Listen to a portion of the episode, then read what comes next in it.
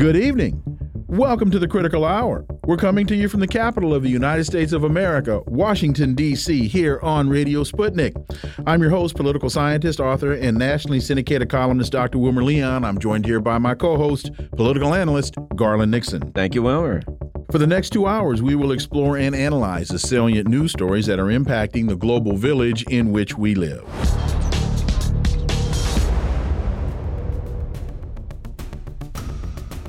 Former President Trump has surrendered at Fulton County Jail for his first mugshot. He surrendered at an Atlanta jail yesterday and was booked on felony charges alleging he participated in a sweeping criminal conspiracy to illegally overturn his 2020 election loss in Georgia, an unprecedented moment resulting in the first mugshot of a former American president. For insight into this, let's turn to our first guest. It's Friday, so we're going to start the show the way we always do. Our guest is an independent journalist, political analyst, and reporter for RT, Caleb Maupin. As always, Caleb, welcome back. Sure. Glad to be here as always. So Trump's booking at the Fulton County Jail it came it came 10 days after he was charged in Georgia in what was his fourth criminal indictment since March and his second tied to his alleged efforts to subvert the 2020 election results and remain in the White House. Uh, his Atlanta surrender, though it was unlike all of the previous ones, while other jurisdictions waived the booking photo and processed Trump in courthouse facilities, the Fulton County officials sent him to the jail where he was treated no differently than any other Atlanta era, uh, area arrestee, Caleb Maupin. Well, that might be a little bit of an exaggeration. I don't think he was treated exactly like any other okay. Uh, but at the same time, this is historically unprecedented. And I must say, um, Donald Trump is getting more popular. Uh, so popular, he didn't even need to show up for the debate that the Republican Party had on mm-hmm. Wednesday night. Uh, and, uh, you know, I mean, they are ready to bury him under the jail, so to speak. I mean, if he's convicted on what they've they've charged him with now, I mean, they've charged him with everything, it seems. Uh, but then again, if he becomes president, uh, he can pardon himself. Uh, so there you go. No, no, he can't. He can't on the on the state charges. Indeed, that no. is a good point. No, he Not can't. And two things. Two things there. He cannot pardon himself on state charges. If he were successful in getting a change of venue into federal court, he still couldn't pardon himself because those are that's basically just a change of venue, not a change of charge. So the state charges tried in federal court, he if he were convicted, he still would not be able to pardon himself. And the final point on that, Atlanta or uh, Georgia is incredibly unique in that the governor wouldn't even be able to pardon him in Georgia. It has to go before a tribunal and I believe you have to serve a certain portion of the penalty before this part I'm not quite certain of, but I think it's true. You have to serve a certain portion of the penalty before you're even allowed to pursue a pardon. So he's if he gets convicted in Georgia, he's got a serious problem on his hands. And then that raises a question, right? I mean, if the president of the United States is convicted in a state, um, you know, I mean, does he have to serve his sentence? Uh, yeah, I mean, I that that raises a lot of questions right there. Um, I mean, that sounds like a recipe for almost a new civil war or something. If he if he becomes the president, and then and Georgia says, "Please report to the local penitentiary," and he says, uh, "No," uh, you know, I mean, this, this, this raises a lot of quest- questions. Mm-hmm. So, I mean, I, I this is a new can of worms. You know, I mean, it reminds me. I was reading. I was going over for something I was writing recently about the case of uh, Ira Einhorn, the unicorn mm. killer. Mm-hmm. Uh, you ever heard of heard mm-hmm. of this case? Yeah, yes. this was a a prominent environmental activist who murdered his girlfriend and mummified her, and then he fled to France. Uh, and while he was in France, uh, you know, the uh, they eventually discovered him after a decade or so. Uh, and in order to extradite him, they forced the state of Pennsylvania to pass a specific law making sure he could not get the death penalty in order for France to extradite him. And it you know, that shows how sensitive these kind of things can be. And they passed a specific law for Ira Einhorn, the so-called unicorn killer, in order to uh, extradite him to Pennsylvania so he could, you know, he could eventually be charged and imprisoned. Uh, and he was convicted and eventually, you know, served out the rest of his life in prison, died during the pandemic. So, you know, it shows how these kind of cases and states' rights and extraditions and all of this, I, I have no idea how this is going to play out, honestly. And, uh, this is, I mean, it seems like they're trying to do everything they can to make sure Donald Trump does not become president again. And I feel like there is almost a consensus within the FBI, within the policing agencies, and, and the intelligence apparatus that doesn't happen. But the population, which is very alienated, likes Trump. So, I mean, I don't know how this is going to play out. Well, Peter Strzok last time said we got a new, we have an insurance policy. I think they got a whole bunch of insurance policies this time. Here's the interesting thing about this case, though it hinges on one thing, which is kind of interesting whether or not Donald Trump truly believed that the election was stolen. Because if he believed, if, for instance, if in fact it was, there was anything that shown that it was stolen, well, then in fact there's no case. If he believed that it was stolen, then he had every right to pursue that and the RICO case, and most of this falls apart. Okay. When Donald Trump came out, the first thing he said was, the election was stolen. They robbed me, blah, blah, blah, blah, blah. It just seems to me very weird and difficult to have a case of this magnitude that depends on whether or not somebody believed something or not. It just seems weird to me. Caleb, your thoughts on that? Well, right. I mean, they would have to prove that Donald Trump, in his mind, knew that he did not win the election, but proceeded otherwise. And that is a very, very difficult case to prove. And, you know, proving intent is something that prosecutors struggle with uh, a lot. In a lot of cases, a lot of criminal cases don't require proof of intent. Um, so this is going to be very interesting. Well, with that, we then go to Republican rivals clash sharply in combative debate with no Trump. The debate often pivoted around fiery exchanges, including several involving entrepreneur Vivek Ramaswamy, a first time millennial candidate. Uh, Caleb, I don't know how much of this you were able to sit through. It was suffer through uh, that too. That too. It was incredibly, incredibly challenging. I watched the whole thing. Well, I reported on it for, for international television for RT, and uh, that's why you are Caleb I, Maupin. Yeah, I, I, will say that um, it looked like this was uh, the planned coronation of Vivek Ramaswamy. Uh, I mean, that's what it looked like to me. He was in the center of the stage. He had his Barack Obama style gestures down to a T. Um, and uh, I will say that the the the fights, the arguments that that happened, a, a lot of the debate seemed very, very staged to me. And I hate to sound like a conspiracy theorist, but a lot of the one-liners and a lot of the jabs between the opponents did not seem spontaneous or natural. They seemed very staged. Uh, Vivek Ramaswamy is trying to capture the Donald Trump energy. Uh, he's, you know, the new kind of, you know, populist rock star of the Republicans. Um, and he said a lot of things during the debate that would get him points with the kind of anti-establishment populist uh, Trump supporters. Nikki Haley uh, and and Mike Pence were there on the stage to represent neoconservatism uh, and Israel in particular, and loyalty to Israel and the foreign policy establishment. They were there for that reason. Uh, Nikki Haley, in particular, said outrageous things on the mm-hmm. stage. She she blamed, uh, you know, Russian President Vladimir Putin for killing uh, not just Prigozhin, but also claimed that he had killed uh, the UN ambassador Vitaly Churkin, which is an outrageous allegation. Why would why would Putin have killed one of the top diplomats who was very skilled and was you know, doing such a good job for Russia at that time. And that's an outrageous claim to make. And she. Oh, I know why. Because for the same reason he kidnapped Jimmy Hoffa, and for the same reason he kidnapped the Lindbergh baby. Yeah, because he's a madman. Because he's right? a madman. Yeah, that's what madmen right. do.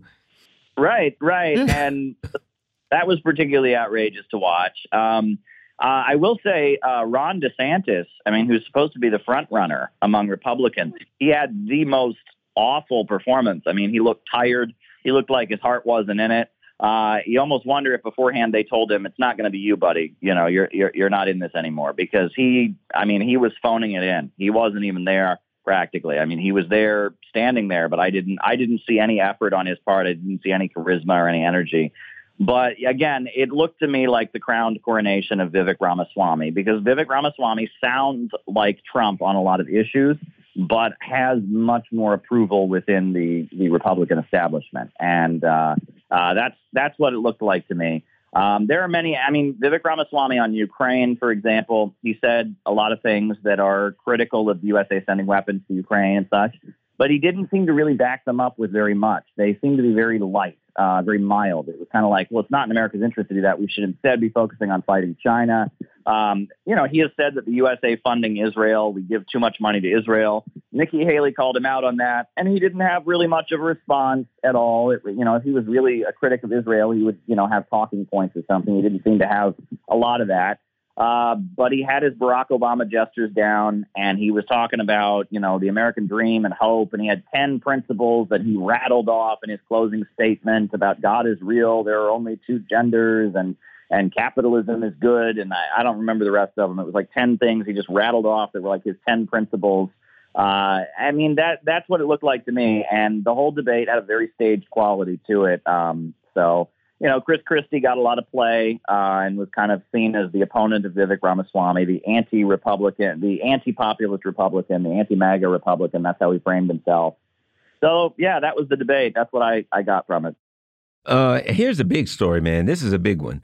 Argentina, Iran, Saudi Arabia, Egypt, UAE, and Ethiopia get BRICS membership. This is a major story. And, and I keep saying Iran, Saudi Arabia, UAE. That aligns this uh, BRICS with the um, OPEC Plus.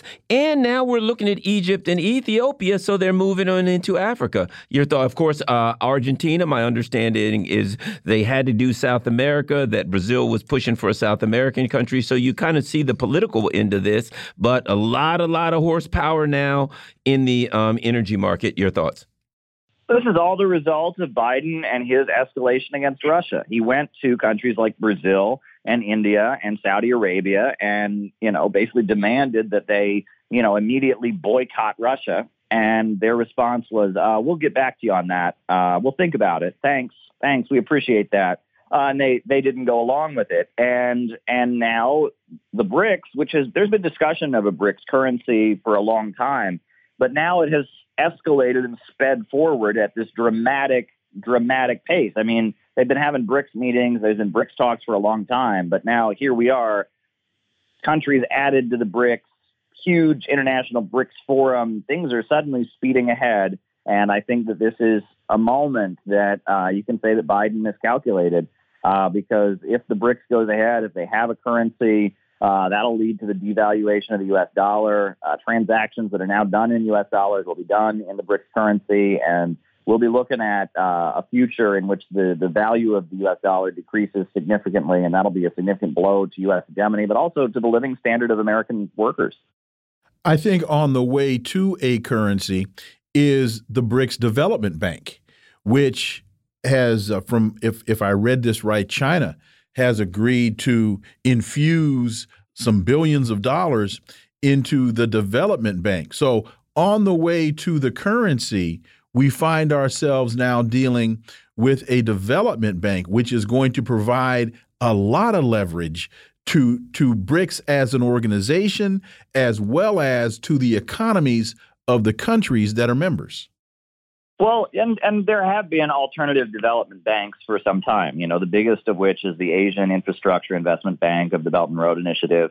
There's been the Bolivarian alternative of Latin America, the ALBA Bank. Uh, you know, we have the Eurasian Economic Union, and there have been some alternative investment banks that kind of counter the Bretton Woods institutions, the IMF and the World Bank, uh, the World Trade Organization. So, you know, there, there's a precedent for this, but this is probably the biggest development. That's my point. Yeah, in this field, you know, that we've ever seen. I mean, there's more countries involved in this alternative bank than has ever been done before. This is a big, big shift. Well, not only not only that, Caleb, but I, I say the ideology behind the organization and the and the countries that are in it. I think that also contributes to the significance of the bank. It's, uh, I use this term just to make the point. I am not casting aspersions.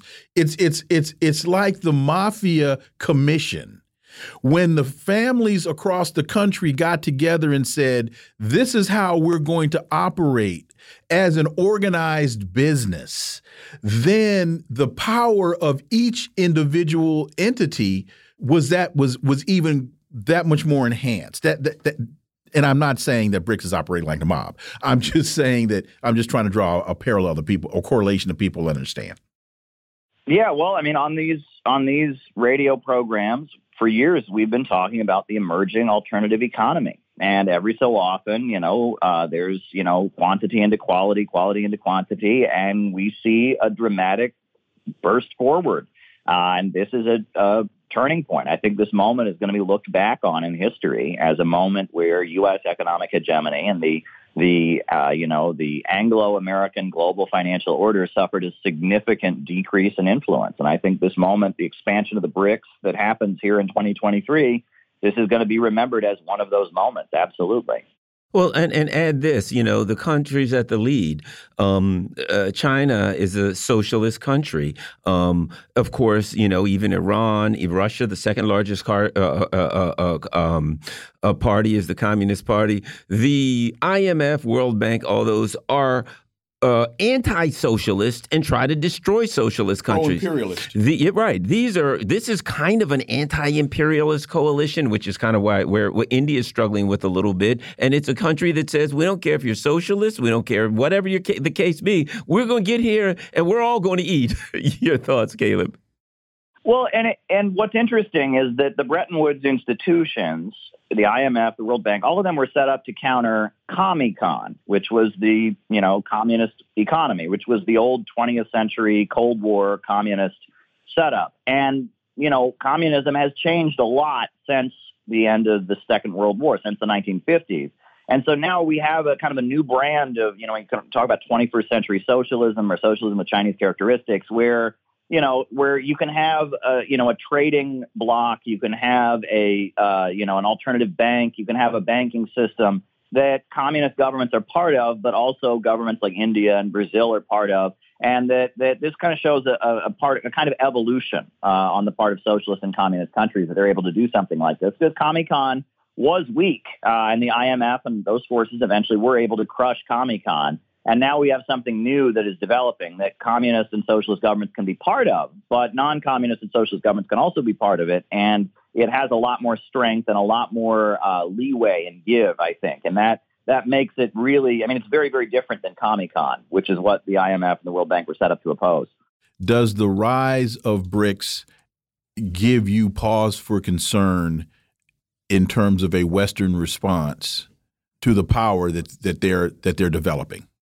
Well, if a BRICS currency does come out of this, I mean, we got a bank already, but if a BRICS currency comes out of it, you have to wonder, will the United States just immediately outlaw it?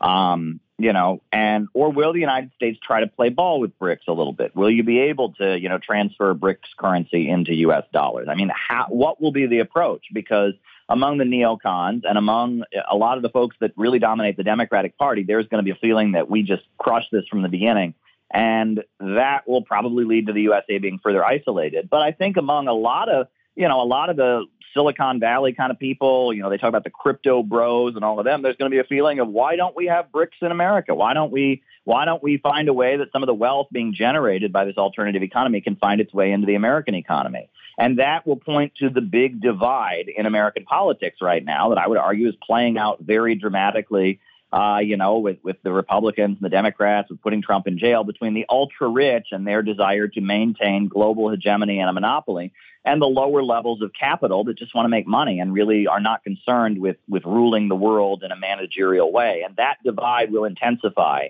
uh, as BRICS grows and flourishes. Caleb Maupin, as always, thank you so much for your time. Greatly appreciate that analysis. Have a wonderful weekend, and we look forward to having you back. Absolutely. Folks, you are listening to the Critical Hour on Radio Sputnik. I'm Wilmer Leon. I'm joined here by my co host, Garland Nixon. There's more on the other side. Stay tuned.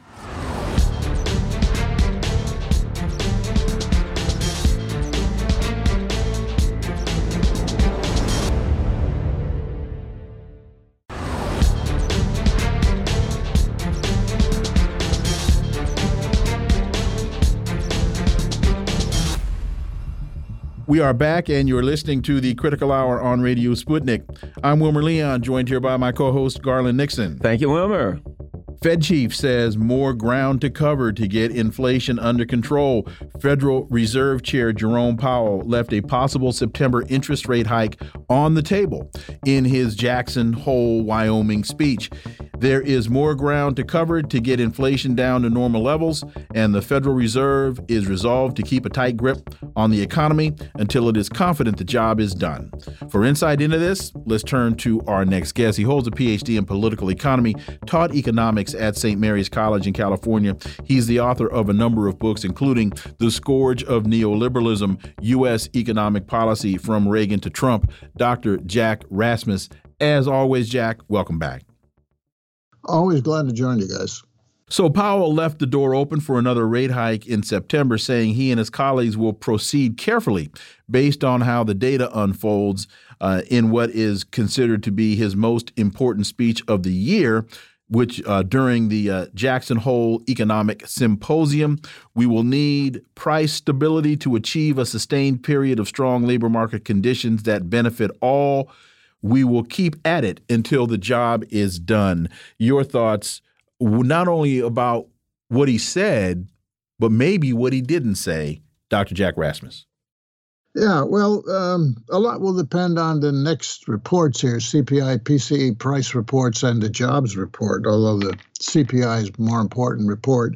Uh, you got to realize that uh, a year ago, uh, Powell said that his main target uh, was uh, services, the services sector, 80% of the economy, because uh, goods inflation was already coming down. You know, this rapid uh, record 22 year rate of pace of increase in interest rates uh, had pretty much taken the wind out of uh, goods inflation. You know, things, manufactured things, and and housing and construction. That's the goods sector of the economy. Uh, the slowing global economy has also played a role there. So good prices are flat; they're down. The problem is services which, if you look at the last three months of the uh, price reports, index reports, uh, services and CPI are stuck at around 6%. In other words, the rate hikes are not taking the wind out of the services sector. It's still stuck at 6%. And that was the sector that a year ago uh, Powell said was his target. He wanted to create more unemployment in services. Uh, that would reduce uh, wages in services, that would reduce consumer demand in services, that would bring uh, the inflation down. It hasn't happened uh, it hasn't had much effect on services. Yeah, they've come down a little. Uh, but we see a lot of price gouging going on in services. Uh, you know, at first, uh, a, a, lot of it was the airlines and uh, travel and so forth, uh, and then of course it it's shifted to now it's insurances, insurance companies gouging both um, you know housing insurance and uh, health insurance and so forth. A lot of price gouging going on by uh, those those corporations and insurances. A rent gouging is still going on. Uh, a year ago, Powell said that uh, oh rents are going to come down by this summer. No, they haven't come down. Landlords are still price gouging people. And now we see uh, creeping up uh, processed food and dairy prices once again um, because of uh, concentration of industry there you know, Tyson Foods and so forth, uh, prices are starting to creep up again there, and they're creeping up again in uh, oil and energy as OPEC starts uh, doing these cuts, and it's even creeping up again in housing as a supply problem in housing uh, overwhelms the demand contraction in housing. So we have these forces out there that are still driving inflation, and we have this chronic stuck six percent services inflation, uh, which was the original target, and um, it hasn't hasn't had a full effect That five and a half percent interest rates. Uh, you know, people forget that the similar inflation back under under Reagan in the early '80s took 15 percent interest rates mm-hmm. to shake out, and it's only five and a half percent. They can't shake out services inflation and the price gouging, which they can do little about uh, and OPEC, which they can do little about. The Fed can do little about that. You know, the Fed has no effect on supply like, uh, you know, uh, global supply chains and what goes on with sanctions, what goes on with OPEC, uh, what goes on with price gouging. The Fed can't do anything about that. It can depress demand uh, by causing unemployment and wage and income disposable income contraction you know that's the only thing it can do. But at five and a half percent it's not enough to shake out the six percent chronic services inflation. That's the problem that he's got. Uh, and but he's uh, between a rock and a hard place because at five and a half percent, we've already seen the impact on uh, certain financial markets, like the regional banking crisis and interest rate risk. Right, uh, the Fed obviously has a strategy here of they're going to creep up infl- uh, interest rates slowly to see when they start taking an impact on services. And if it causes stress in the regional banking sector, well, then they're going to bail out those those companies one at a time. They're going to deal with it one off. You see, mm-hmm. that's the strategy. Mm-hmm. But they're kind of walking uh, the, on the on the edge of the fence post here. Uh, whether more uh, rate hikes can really bring down that chronic 6% in price gouging going on without really causing further contagion and exacerbating out of control the regional banking crisis. That's uh, where where it's at. You know, you mentioned um, uh, um, the intent here that versus the, the, what they're really doing versus what they're saying they're doing. They're saying they're going to address, you know, the problem. Basically, they're implying we're going to address the problems of the common man. But it also, as you've discussed before, um, these actions that they're taking are going to hurt the labor market. It's a, the, uh, apparently Powell said, "quote." We will need price stability to achieve a sustained period of strong labor market conditions that benefit all. And it appears that what they're doing will cause unemployment. And in fact, that's the intent, which means he's lying. Am I right, Dr. Um, Dr. Jack?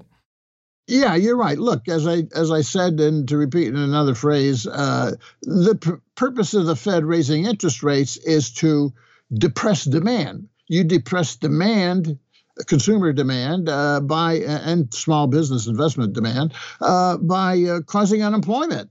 That's that's how you do it, you know, and you reduce disposable income and therefore consumption, and therefore people buy less and prices come down, right?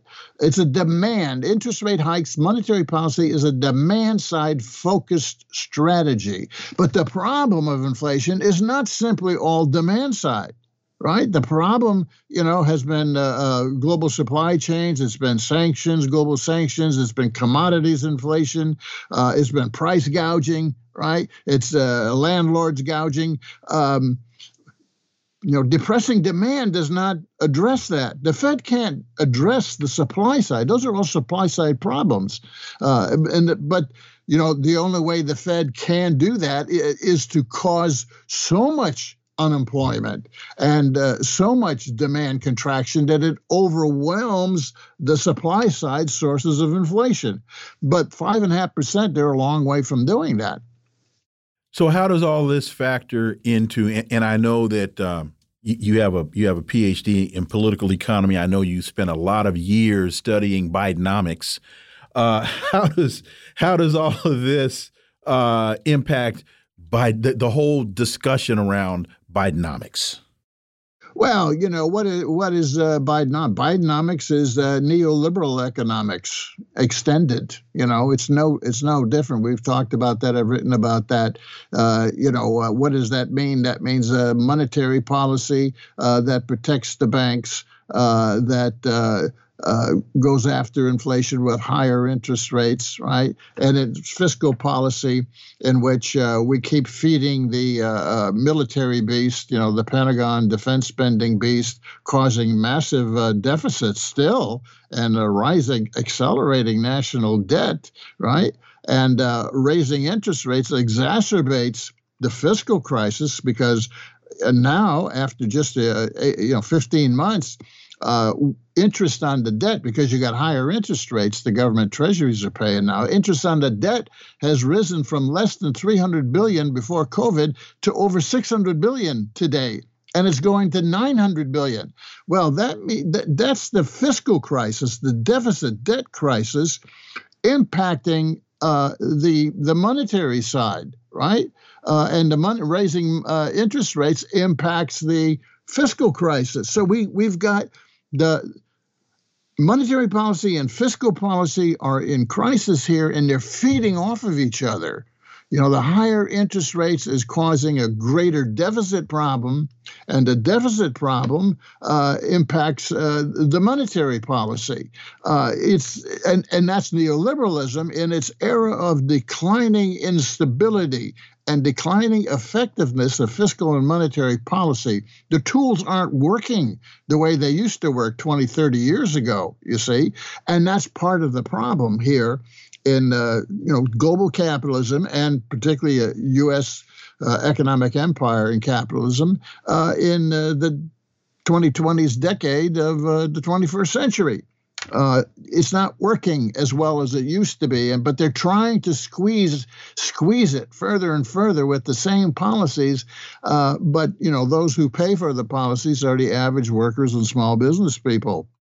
The Wall Street Journal reports rising insurance costs start to hit home sales. Vulnerable areas on coast are first to feel the impact of higher premiums. The average annual home insurance premium for Floridians has tripled in five years. So now when you go to buy a house, you've got increased interest rates. That costs a lot more. Now you've got, in some places, triple the cost in um, in uh, home insurance, and it's uh, just basically pricing. And, and with all the other costs, you're pricing people out of the market. Your thoughts? Well, there's there's one more thing to add to this because not only are the prices going up, mm -hmm.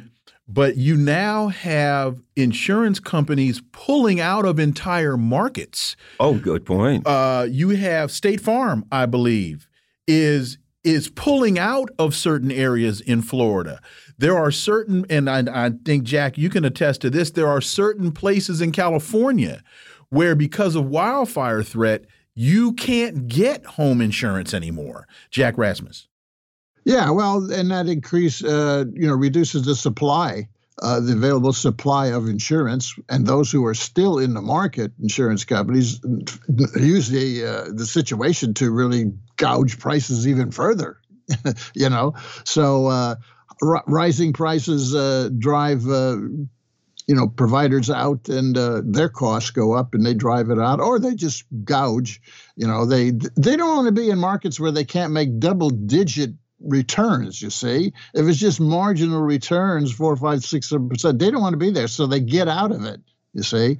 Uh, and uh, it, it's a problem in housing. As I said, um, yeah, they're really depressing demand in housing. With uh, what 30-year mortgages are well over seven percent now, probably going to eight. Uh, and uh, what that means with the insurance costs and other costs uh, that only wealthy people can afford to buy new homes, and even people who uh, uh, might make a, a you know a profit from selling their home don't want to sell it uh, because uh, it costs too much at 8%, 7 8% to get into a new one. So moving people up uh, is not happening anymore. People are, are uh, uh, staying pat. You know, I'm talking about home resales, and they're not reselling their homes and moving up um, because the cost is too great, which just reduces the supply even more. Only people at the very high end can afford uh, to buy a new home uh, and they're building, but only at the high end, and that's causing and exacerbating uh, the the housing shortage in this country, which at the lower end means a sharp increase in homelessness further. I know this is probably a, a socialist question, but isn't this a space based upon the reality that we now find ourselves confronting? Isn't this a space for the government to step in and underwrite? Insurance. And if we weren't sending $25 billion more to that rat hole called Ukraine, there might be some money in somebody's budget to do so. But theoretically, isn't this a place or space for the government to step in and provide some underwriting of some sort? Yeah, but that would mean more government spending on non defense, you see. And uh, they're throwing so much money at the Pentagon and at the defense sector, which is well over a trillion dollars we spend on defense, you know, throwing it down that rat hole in particular. 200 billion already in, uh, in U- Ukraine. And by the way, most of that 200 billion never gets to Ukraine. It goes right from the treasury into the coffers of the military industrial complex, you know, that just sends the uh, ammunition and hardware over there. Uh, so it's a, you know, it's it, it, it's a it's a big shell game uh, going on. Although some money does does get thrown over there, um, skimmed off the top mostly by uh, the corruption and the politicians. Uh, but uh, yeah. Um, that's a big problem. And and you know we we're running these trillion dollar plus uh, defense uh, budgets uh, uh going up. Uh, Pentagon 85 billion in one year, going up again, uh, and that's exacerbating the the fiscal deficit. You know, we're still a trillion, trillion and a half every year in fiscal deficit added to the national debt because the debt is just the accumulation of annual deficits, right? Uh, and that's mostly because of uh, defense spending escalation and the fact that uh, they won't uh, tax uh, corporations and investors since uh, Trump's 2017 four and a half trillion dollar freebie for those folks here with his massive tax cut in 2017. De- Democrats don't want to touch that either. but if you don't raise taxes and if you don't cut uh, or slow down at least uh, the the escalating uh, war spending, uh, then you're going to keep running deficits of uh, one and a half, one trillion, one and a half every year. And the more you run deficits with high interest rates, the more the interest cost on the debt rises, and it's going to 900 billion a year. Uh, I mean, that's as much as the Pentagon gets, you know. Uh, so the crisis is intensifying on the fiscal side, and uh, they can't seem to get a control uh, of the situation on the monetary side. And the more they raise interest rates, uh, the more interest on the debt goes up, and the pressure on uh, exacerbating the regional banking crisis increases. And let me follow up because this just popped into my head. When I talked about the government underwriting insurance, this to me would be analogous to Medicare for all. And I can see the administration not wanting to get involved in the insurance issue because of the insurance companies, the same way the Obama administration didn't want to have Medicare for all because of the healthcare insurance company. Just two two seconds on that, Jack. Yeah, exa exactly. What you got is the government does not get into these areas because businesses, the insurance company, don't want it there right? Even if it means you don't have insurance coverage for people, they don't want competition from the government, whether you know it's in medical insurance or whether it's in uh, in housing. The insurance companies uh, are big finance companies, by the way. Uh, they're big banks, and they don't want the competition, so it doesn't get done. So here's a big one, Doctor uh, uh, uh, Doctor Jack. Argentina Iran, Saudi Arabia, Egypt, UAE, and Ethiopia get BRICS membership. And what's interesting about that, here's the, the three things that jump out to me. There are a lot of reasons to look at a lot of them, but UAE, Iran, Saudi Arabia. When you add Russia, you've got somewhere around almost half the world's oil output now in BRICS. This is a very powerful organization and it aligns with OPEC plus. Your thoughts? Exactly. That's the significance. Look at these five or six uh, countries. They're oil countries, right? Oil producing countries. What that tells me is that the BRICS are going to issue an alternative currency that's going to be based in part on oil, the value of oil. It'll be a basket of goods, and, and oil will be uh, the new gold, you might say. Gold and oil and a basket of currencies. That's what the new alternative is, is going to be. And that means, uh, since all this oil, you know, in previous years uh, was traded in dollars, uh, now there'll be less of a demand for dollars to finance the trade in oil because there'll be an alternative currency. You see, that means the value of the dollar is going to co- uh, collapse here well, certainly reduce in, in coming years once this alternative currency comes. And the dollar is the linchpin of the American global economic empire. Mm-hmm. And if that contracts, uh, they are in deep trouble here.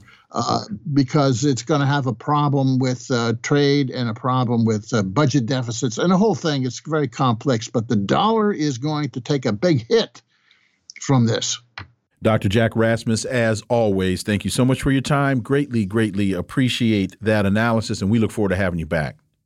Always glad to join you. Folks, you're listening to the Critical Hour on Radio Sputnik. I'm Wilmer Leon. I'm joined here by my co host, Garland Nixon. There's more on the other side.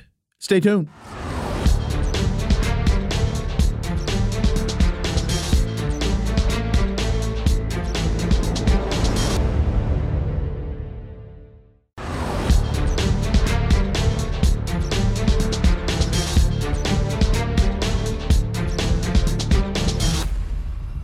We are back, and you're listening to the Critical Hour on Radio Sputnik. I'm Wilmer Leon, joined here by my co host, Garland Nixon. Thank you, Wilmer. Mondoweiss has a piece entitled Under Finance Minister Smotrich, the Israeli state's war on its Palestinian citizens has reached new heights. Palestinians living within the Israeli state have always been second class citizens, and under the current right wing government, hundreds of millions of shekels in public funding are being cut from these communities. For insight into this, let's turn to our next guest. He's an Israeli writer and activist living in Washington, D.C.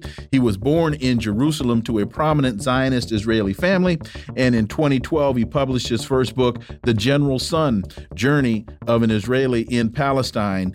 And he's the author of this piece, Miko Peled. As always, Miko, welcome back. Good to be with you. Thank you. So you write in early August of 2023, Israel's finance minister Smotrich announced a freeze on tens of millions of dollars that were slated to go to Arab localities already in dire straits financially because of racist policies that go back to the founding of the state of Israel. The Palestinian cities within the 1948 Palestine are now being denied what little money they were promised. Miko Peled. Yes, well, you know, there's always been a push to get rid of the Palestinian citizens of Israel, uh, and it's, it's been, uh, I mean, you know, they're citizens, but their, their, citizenship does not give them the kind of protection, the kind of rights that, and the kind of uh, services that that Israeli citizens get. That's always been the case. Um, now, with this particular government, this particular finance minister, who who has a convicted, you know, terrorist himself, um, you know, the gloves are off to a degree that we've never seen before. So even the little bit of money uh, that the government promised to give the localities, cities, because there are Palestinian cities within the state of Israel. I mean, these are actual cities, you know, municipalities. Um, and uh, he's taking away what little money they have, and their cities are underfunded in ways that are that are you know scary. I mean, in terms of the lack of services, mean, lack of sidewalks, lack of parks, lack of recreation. I mean, and on and on and on. Um, and so now he wants to really bring them to the, you know, to the point where of, of, of, of complete collapse. And um, that's what this is about. He wants to reach a complete collapse. Now, one of the excuses he gave was that there is, um, you know, crime rates are very high in these communities, which is true. But the reason, and he says, one of the things he says is, well, we need to make sure that crime rates go down, that the money isn't going into you know, the pockets of criminals. The reason crime rates are so high in these communities is because Israel puts collaborators that they take out of the West Bank into these communities. And they, what they do is they engage in crime, in drug dealing, in murder. They become gang, they're, found, they're gang families, basically. And they are above the law, so they can murder somebody in broad daylight. They can sell an M16 in broad daylight, and they are never arrested. The police never intervene because these are assets for the for the intelligence services. So the Palestinian citizens of Israel are now being blamed for something that was imposed on them. I'm talking about the crime rates and the murder rates. It's one of the highest murder rates in the world in these communities. Uh, it's been imposed on them because of policies by Israel, and now they're being blamed for that. And the, and the minister is saying, "Well, we can't give these people money because crime rates are so high." Uh, but it's really just an attempt to destroy them.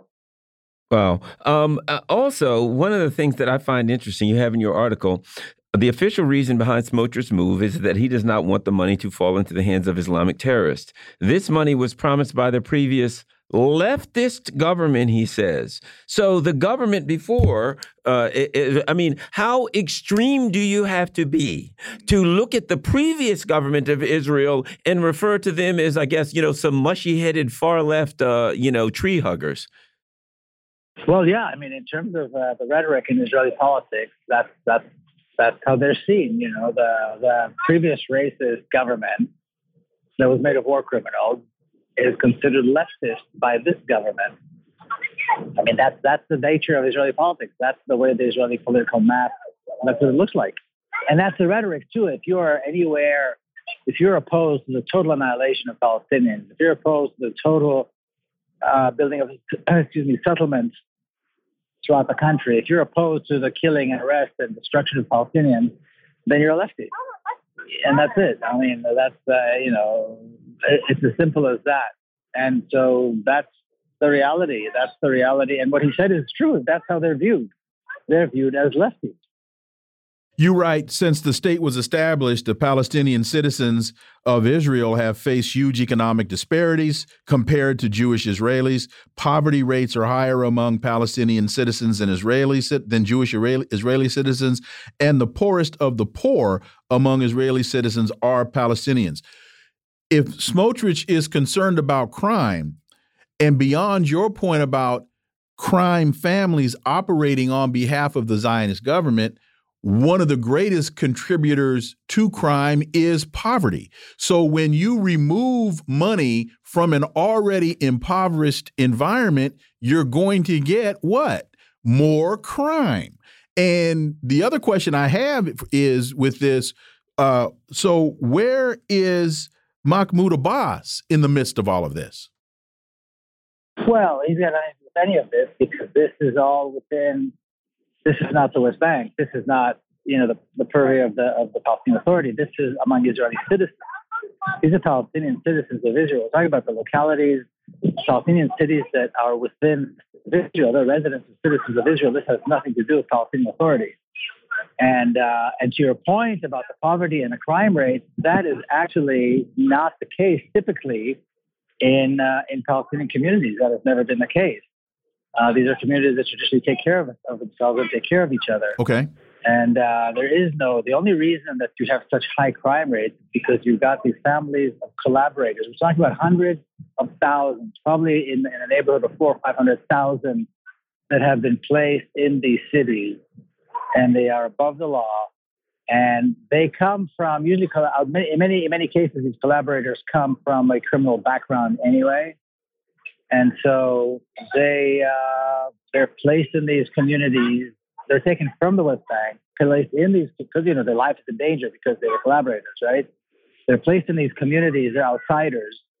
Uh, they're above the law, so the just day to day citizens. I mean, people get shot, people get killed. There's, you know, people, the, the, the death rates, the murder rates are, are, are, are really some of the highest in the world because of that. And so they, they get away with murder because they are an asset to the Israeli intelligence services. And this is well known. It's not like, it's not even something that people don't know about. This is, this is publicized. This is well known. Israelis, Israelis have written about this that the problem with the and that the problem of crime is a result of the free hand that Israel is giving the collaborators in terms of selling drugs and selling weapons and and just basically look at somebody wrong, they'll shoot you literally in broad daylight. And uh, and when the police does get do get called upon, they don't show up. There's they rarely, rarely open a file, open a case, and if they do, there are no there are no hard. I think the prosecution rate is like zero point zero percent or something ridiculous. Yeah, and that's that.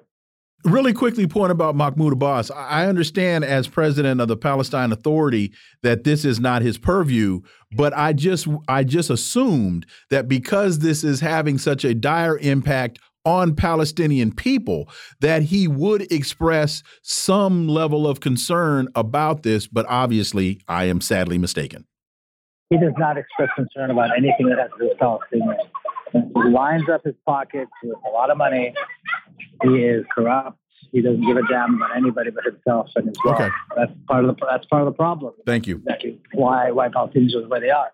So he certainly doesn't care, and certainly wouldn't dare to express anything that has to do uh, with the Palestinians outside of the West Bank. But he doesn't even care about ones in the West Bank.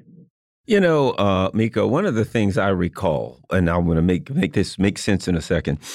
During uh, the Ferguson, there were uh, investigations into the incidents that happened at Ferguson, and one of the things they found was there were the, these poor black communities. They were the majority, but they didn't have much in the way of voting rights. But the community, what the city would do is it would fine them constantly. It would go to their community and give them parking tickets. It would give them.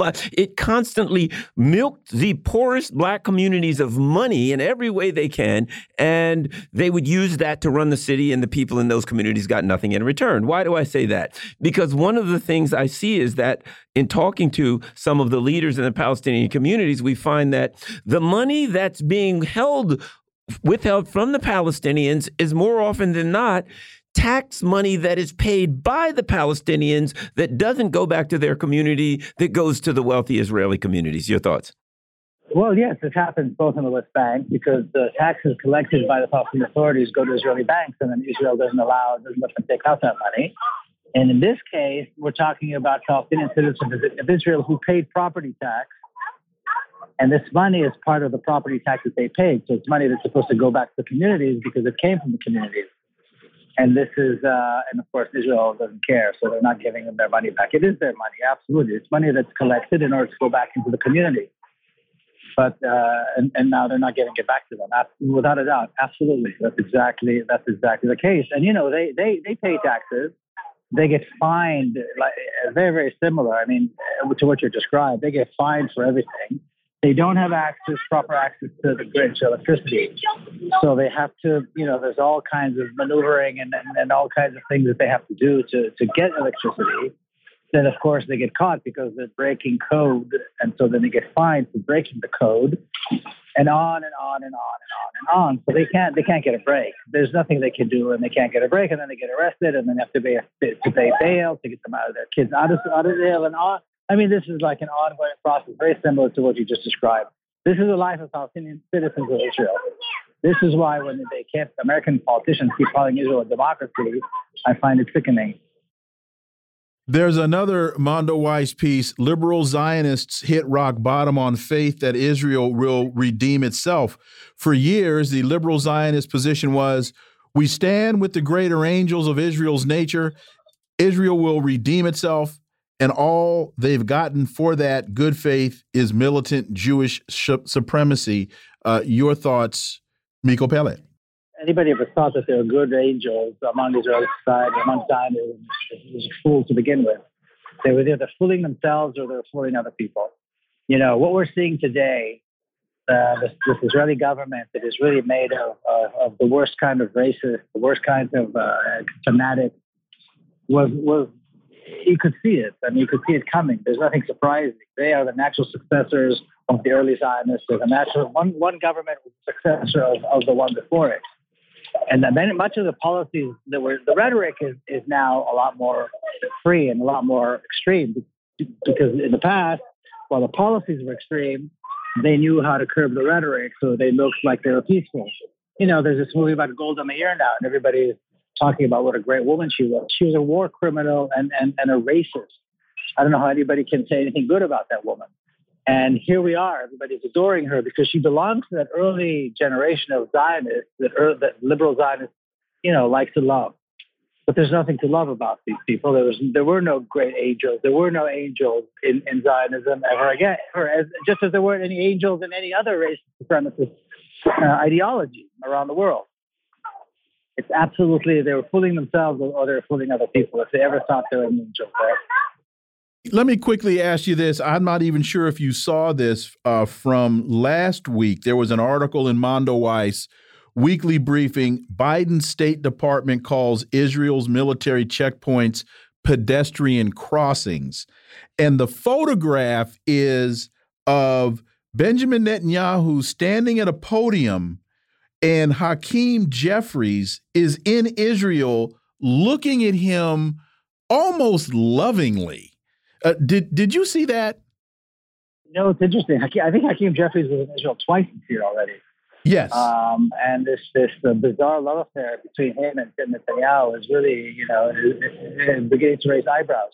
It's very strange. I mean, it's unbelievable. And if anybody thinks, whoever thinks it was, I, I want to take the person who thinks that this is a pedestrian crossing with me and go through these checkpoints. Just come with me and, and, go through the checkpoint and see see if this is the, the way he they're used to, you know, pedestrian crossing. It's like when people say that, you know, Israel is a democracy. Come with me. I'll challenge anybody right now and I'll show you the disparities and tell me how Israel is a democracy. You know, the problem is that when people say these things, they're never challenged enough. I mean, from time to time, there might be a journalist in the room who tries to push, uh, you know, but, but but they're never challenged. These not these these crazy things are being said openly, and uh, of course, when it's an Israeli official, then forget it. They get they get they get the full stage, and and and the treatment. You think they were Moses coming down from the from the mountain. Um, but nobody ever challenges this. Nobody says to these people, excuse me, democracy? Then how come you have so many political prisoners? How come you have children who are being tortured in prisons? How come, you know, the list goes on and on and on and on. Um, it's, it's despicable. It's absolutely grotesque what, what, what, what, to say something to say something like that. It's absolutely grotesque. Pervez Agwan, he's a Texas congressional candidate, says Israel is an apartheid state that commits atrocities against native Palestinians on a daily basis. We got about two minutes. Your thoughts? That's absolutely true. That's absolutely true. It is an apartheid state. It is committing crimes against humanity for 75 years. Amnesty International published a report about this. Anybody can access it and read it. They should, I believe, read it. And I think American politicians who continue like Jeffrey, like Hakeem Jeffries, like the mayor of New York, you know, and all of the rest of them, uh, this report, they need to be challenged with this report. They need to be challenged with the report. I mean, the amnesty report is very clear and, and has all the information you could possibly need. Joe Biden has put out the word go get your photo ops with Netanyahu and Democrats all over Israel sucking up are sucking up. The New York mayor is going to Israel for four days to com to combat anti-Semitism. The right-wing Israel lobby group AIPAC just published cringe hour videos of Democratic members of Congress in Israel professing their love. 45 seconds. Miko. Exactly. That's exactly what's been going on. In fact, I wrote about Hakeem Jeffries, one of the videos, the first videos I saw was Hakeem Jeffries, you know, professing his love. They are complicit with war crimes when they do this. When they go to Israel and they shake the hands of Israeli leaders, they're complicit with war crimes. They're complicit with crimes against humanity. And somebody's got to tell, tell them they're going to lose their jobs if they don't stop. Miko Peled, as always, thank you so much for your time. Greatly, greatly appreciate that analysis, and we look forward to having you back. Thank you, gentlemen. Folks, you're listening to the Critical Hour on Radio Sputnik. I'm Wilmer Leon. I'm joined here by my co host, Garland Nixon. There's another hour on the other side. Stay tuned.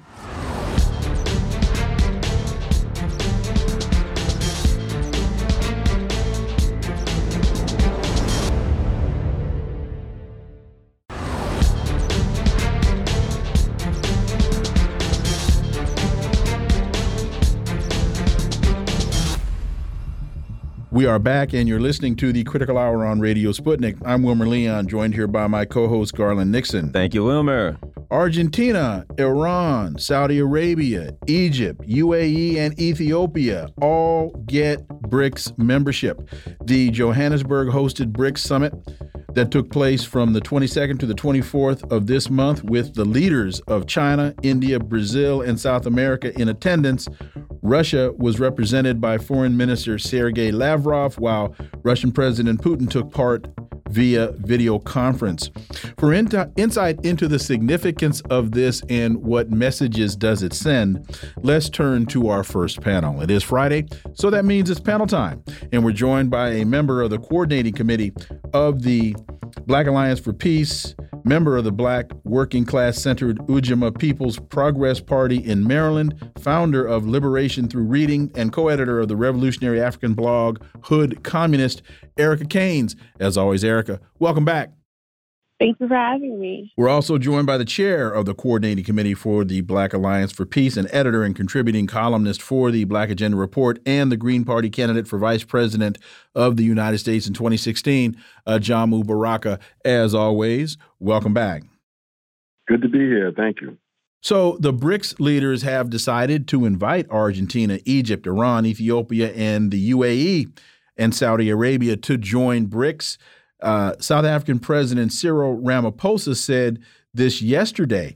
This unipolar world, uh, let's start with you, Erica, is turning multipolar a lot faster than a lot of folks expected. And when you look at Iran, UAE, and uh, and the Saudis in BRICS, there's an awful lot of oil production that's now considered or taking place in this group. Erica Caines. Yeah, I think um, since the proxy war in Ukraine um, has began, it has placed the third world strategically in positions to begin to structure themselves away from the grips of Western, um, specifically U.S. dollar hegemony, um, in order to develop their own countries. So there are at least three dozen nations under U.S. unilateral economic sanctions currently, and many of them have been for decades. So BRICS forming as a bloc um, and proceeding to expand to include these nations, um, many suffering under U.S. sanctions, is only strengthening that that bloc and creating a wider space for strategic unity to reach a particular um, objectives in a multipolar world. So, but at the same time, uh, we must be clear that as multipolarity grows, the U.S. will only grow more vicious uh, because multipolarity should be viewed as a path towards self-determination for these nations. Um, and U.S. imperialism's war against multipolarity should be viewed as a war um, on self-determination and sovereignty, because to U.S. imperialism, unity among oppressed nations of the world is the foremost enemy enemy um, to unipolar dominance, which is required to maximize, you know, capitalist profit.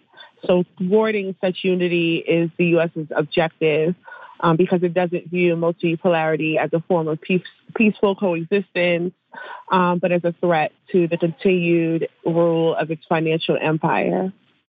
And the same question to you, Ajamu Baraka. Well, I mean that that uh, uh, explanation from Erica is uh, crystal clear in terms of the implications of of this of, of this decision that we are witnessing um, in, uh, a, a, the institutional expression of multipolarity. Uh, you know, the the the BRICS process was a process that both had a political component, uh, but also an economic and investment element. Uh, it, it, it wasn't surprising to me that the, the the three of the states that were invited to formally join the BRICS had already joined the, the BRICS Bank, and we're talking about uh, Saudi, uh, the UAE, and, and Egypt.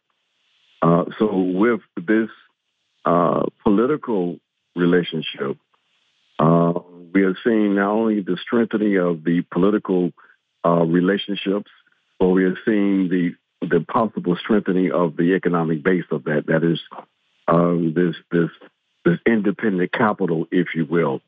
And it, it, it you know it's important to note that one of the reasons why uh, this BRICS Bank, uh, this new development bank, as is formally called, was created was um, it was a, a recognition that there had to be a move toward the the hegemony of the dollar uh, that if these various countries that were emerging were, were, going to be able to effectively compete within the context of global capitalism, uh, they had to have more financial independence.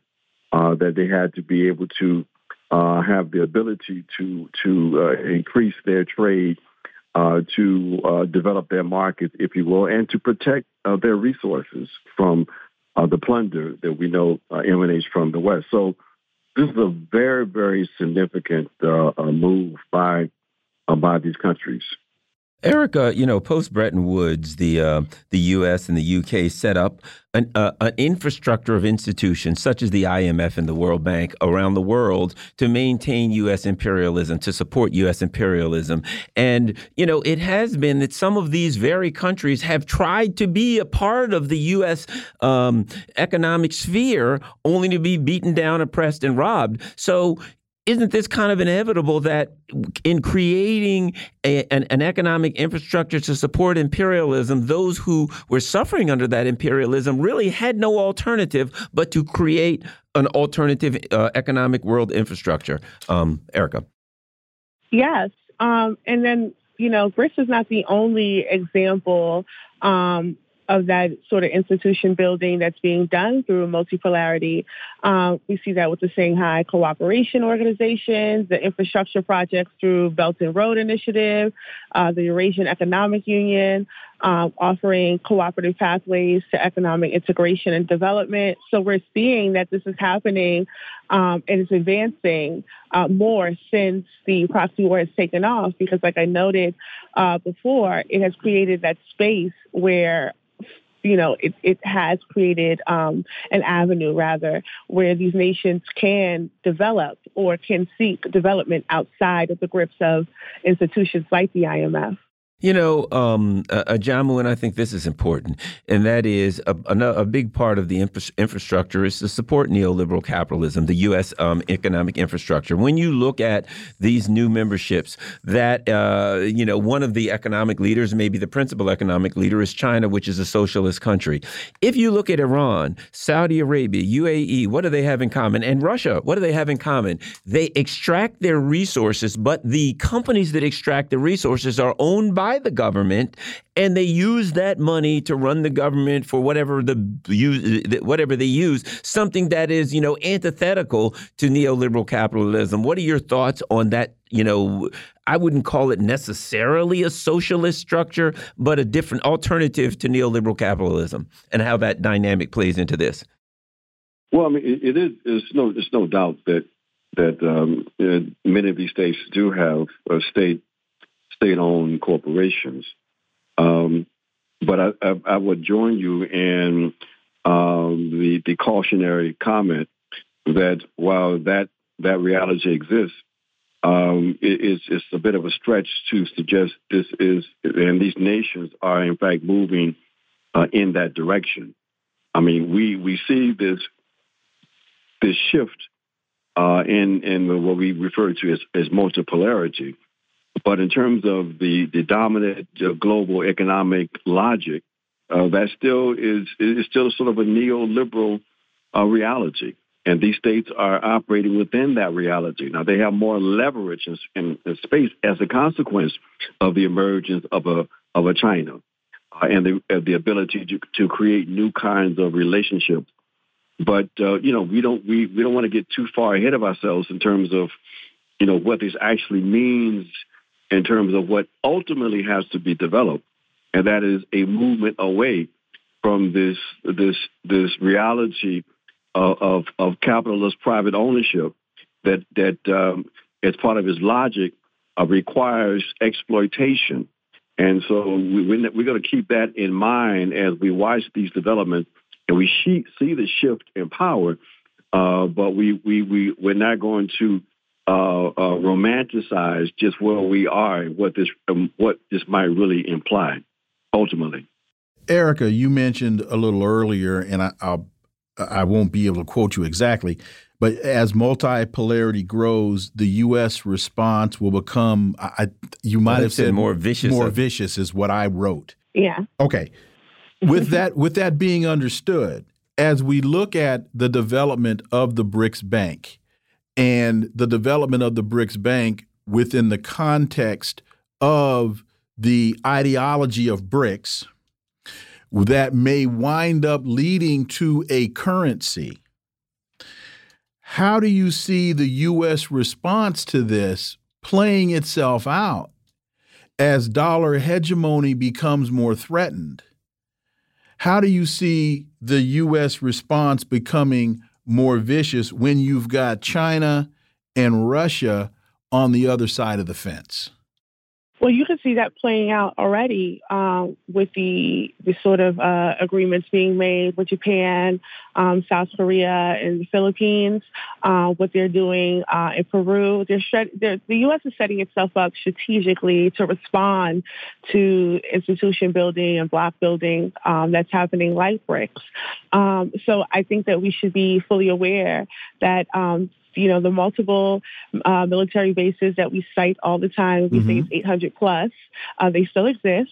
Uh, they have not gone anywhere. Um, the U.S. military commands like AFRICOM and SOUTHCOM and even the Indo-Pacific Command still exist. They have not gone anywhere. Mhm. So the response will obviously be a military a- a military response um, because they are setting up already. Um, in fact, I, I believe in Peru. In fact, the the, the de facto defense minister, uh, minister of defense in Peru was just here for a few days in D.C. meeting with uh, the State Department or, to talk about um, multilateral cooperations between. Um, uh, the the I think the Air Force here and in, in, in Peru.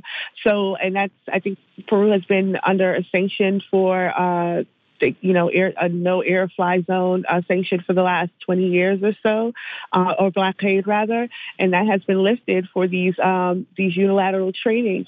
So we have to be prepared that while this is happening and while this is good, and yes, we do not know the direction, but we objectively this is a, a net positive for um, the third world. Uh, that the U.S. is going to respond because they are losing grips. The empire is crumbling slowly, but it is happening, um, and it's not going to go down without a fight. Let, let me follow up uh, to that with with this. I agree with everything that you said. So the United States is forming greater alliances with South Korea and Japan, but Kim Jong Un is sitting there launching missiles into the sea, saying to Japan and saying to South Korea, "I'm still out here, and uh, the more you guys engage in in your war games, I'm sending missiles into the sea." We see that NATO has been exposed by its inability in Ukraine.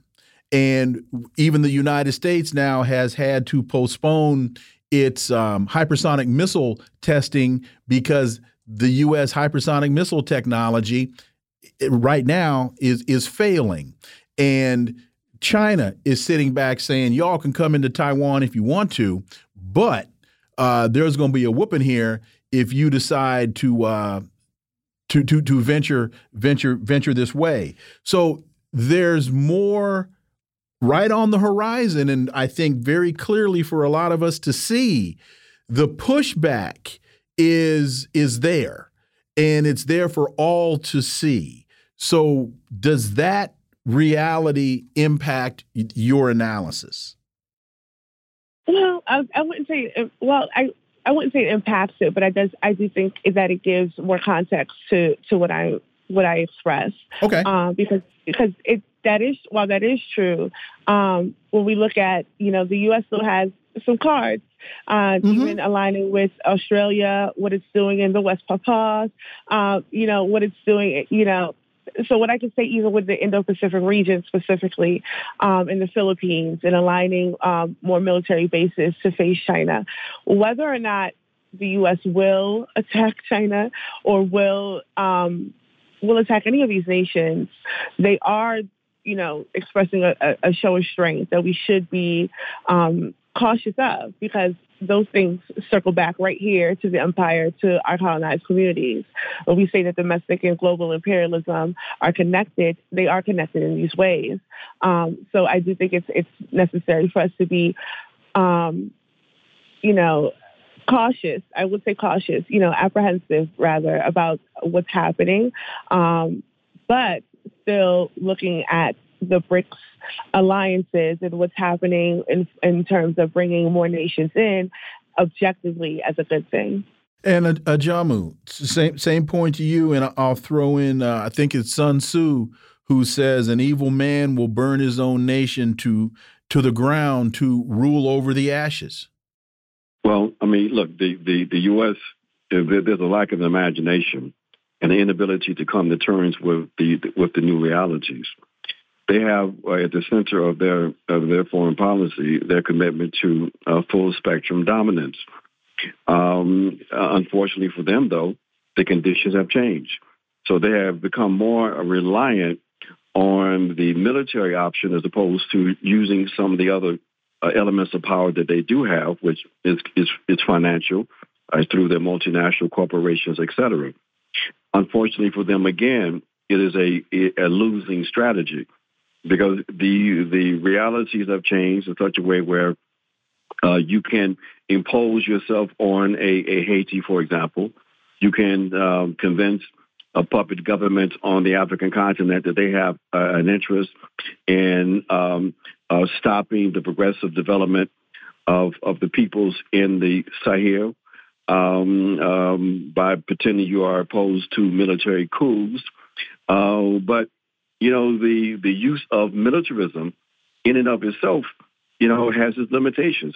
We see that, for example, one of the the things that happened with the uh, expansion of the BRICS process was that the the desire or the recognition on the part, for example, of Iran and and the Saudis uh, to look out for their own national interests, it meant that they had to come to terms with the war in Yemen, a uh, Obama era a war uh, that um, uh, you know they gave the green light uh, to the Saudis to engage in.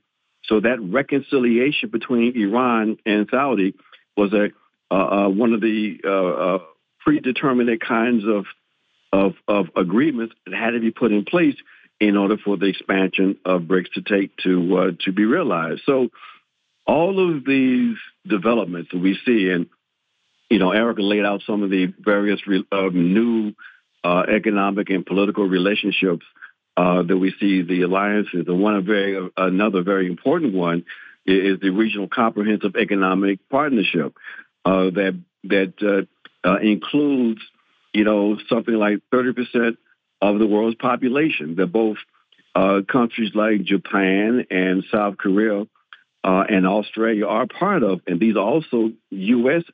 Uh, allied nations. So it demonstrates the the complexity and, and contradictory nature of, of these relationships, but also demonstrates that these nations also recognize that they have uh, an obligation to advance their own national interests. If that means moving away from uh, the hegemony of the U.S., it, it, appears that they are very well uh, uh prepared to, in fact, uh, do that. Musings from the margins. Number two, from Atlanta and Haiti to Niger, the Western war against Africans and collective humanity intensifies. The war against Africans intensifies. The puppets and stooges do as they are ordered, while others are satisfied with empty gestures, but the revolutionary path is unchanged. Ajamu Baraka writes this. But we'll start with you, Erica. Your thoughts on Ajamu's piece? Well, as always, I'm a, a huge fan of Ajamu's writing.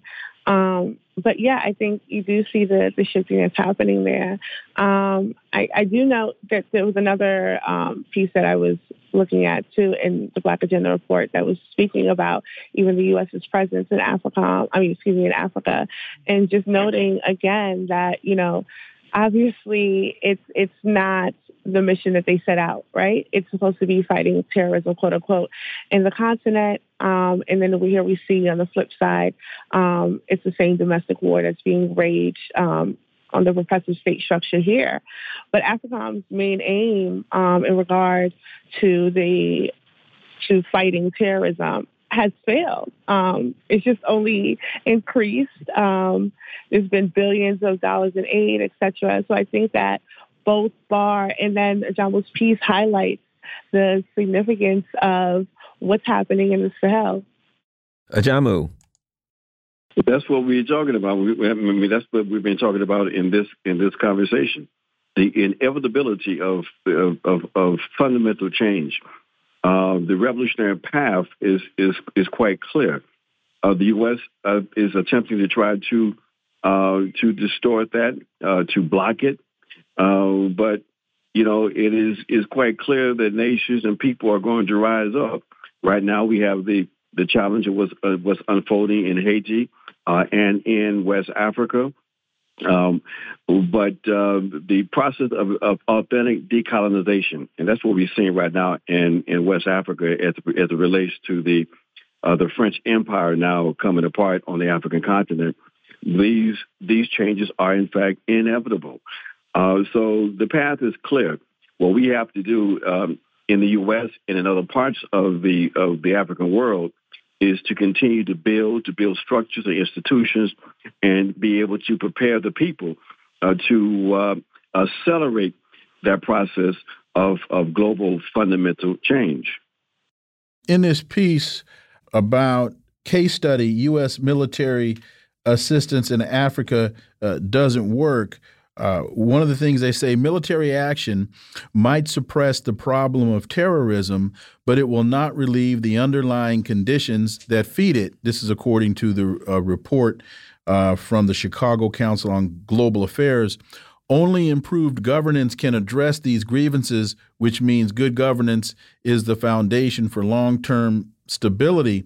But, Erica, part of this problem about using military action to suppress the problem of terrorism in a lot of instances, the United States through AFRICOM is also funding some of the very various ter terrorist elements that it claims to be fighting and the presence of AFRICOM and the resistance to it is what many uh, you in the U.S. are labeling as terrorism. Right. Well, this October, I believe, marks the 15th year since the establishment of the U.S. African Command, which is AFRICOM. So uh, while it was established before Obama, um, it expanded under his presidency with the support of the CDC. Um, and I believe there's like 46 various forms of U.S. bases, as well as military to military relations between um, all nations, I believe, except Eritrea. So again, all of these claims of fighting terrorism and all of this has none of this has been achieved. It's been a 500% spike um, in the last decade. You, it's been turmoil in that region um, consistently, and nothing has been resolved. Uh, but you see the expansion of a U.S. presence in that region um, significantly. And the people have noted that and, and can see that and are aware of that. And I think that that is what is setting off the chain reaction of, of uprisings against these sort of um, neocolonial figures that uphold um, the West and allow the West to come in and extract resources and um, allow to, the West to come in and dictate uh, laws and structures um, and institutions that do not benefit the people. So at this point, we know that it's a very critical um, uh, point in time right now for the Sahel uh, because, you know, AFRICOM's stated mission, uh, which is to, uh, quote, promote regional security and stability and prosperity has failed. Ajamu, and add this, uh, you know, into the discussion, and you know, it's something I bring up, and that is Burkina Faso. You know, the legacy we, you know, the the U.S. and the and the, and the uh, uh, uh, colo um, colonial powers in Europe, they've killed the, you know, or depo you know, uh, taken out of power the um, Kwame Nkrumahs and the and the Thomas Sankaras, but their legacies remain, and we see in uh, Ibrahim Traore, it certainly appears that there is the legacy of these kinds of revolutionary uh, leaders left. What do you think of the importance of the struggles that have happened, the revolutionary struggles, and those legacies that are affecting things today? As I said, it appears to me through Traore. Well, I mean, look, I mean, many of, of, of, of, many of the young people on the African continent are, in fact, inspired by these examples of, of resistance and development on the African continent it's quite clear that the, the new leadership in, in, Burkina Faso has been inspired in that same way. Um, it, it, it, it remains, though, to be seen uh, how this, this transitional process is going to un, is going to unfold. We hope that it continues on a progressive path, but we also are reminded of what happened in Burkina Faso, uh, and so you know, but but symbolically, uh, this young man represents the kind of dignity and resistance uh, that African people have embraced and are intensifying in terms of their resistance to the ongoing colonial relationships. So we are inspired. I think the people of Burkina Faso and West Africa, and really throughout the entire continent, are inspired. But while we have that kind of inspiration in Burkina Faso, we still have the backwardness of governments like in Nigeria uh, and other places that are, are more than willing to do the bidding of of, of Europeans and the perpetuation of white power on the African continent. And Erica, we have just about a minute left. And uh, in his piece, Ajamu talks about uh, some of the uh, he talks about the black leadership class, but then he has a special category for uh, for those in in in Congress. And so, just quickly, how it, I I think we always need to bring up this point to say that the the enemy is not only uh, external but is internal as well. Yes, um, I think the the Progressive Caucus is uh, they really highlight the sort of uh, fallacy of progressiveness, right? Um, or at least the way that they, pro- you know, project it. Um, a lot of what they have been uh, elected upon, like their platforms, are non-existent at this point. Um, housing is a dead issue. Um, healthcare is a dead issue. Mm-hmm. So, you know, even at Palestine mm-hmm. is a dead or alive issue.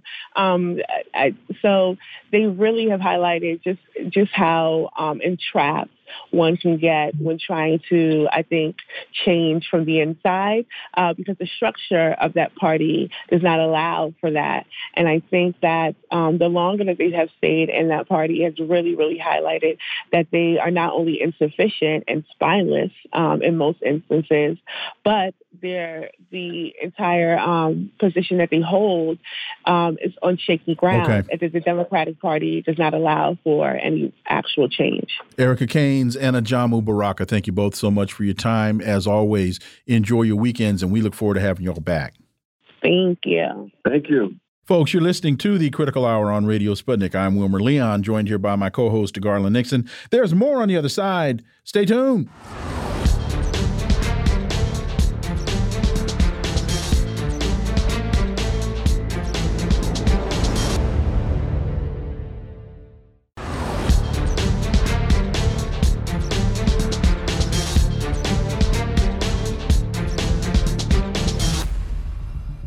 We are back, and you're listening to the Critical Hour on Radio Sputnik. I'm Wilmer Leon, joined here by my co host, Garland Nixon. Thank you, Wilmer. Trump surrenders at Fulton County Jail for his first mugshot. Donald Trump surrendered at an Atlanta jail yesterday and was booked on felony charges alleging he participated in a sweeping criminal conspiracy to impact the outcome of the 2020 election. For insight into this, let's turn to our second panel. It's Friday, so that means it's panel time, and we're going to go. We're joined by the host of AM Wake Up and Slow News Day, which you can watch on live on Rokfin and Rumble and listen anywhere podcasts are served. Steve Poikonen, as always, Steve, welcome back. Thank you, gentlemen. Great to be here. We're also joined by an independent journalist whose work can be found at Substack and thepolemicist.net, Dr. Jim Kavanagh. As always, Jim, welcome back. Thank you. Always a pleasure. So, this booking came at the Fulton County Jail 10 days after the former president was charged in Georgia in what was his fourth criminal indictment since March. Your thoughts, Dr. Dr. Jim Kavanagh, because his numbers are staying steady, if not slowly rising. Yeah, I, I'm.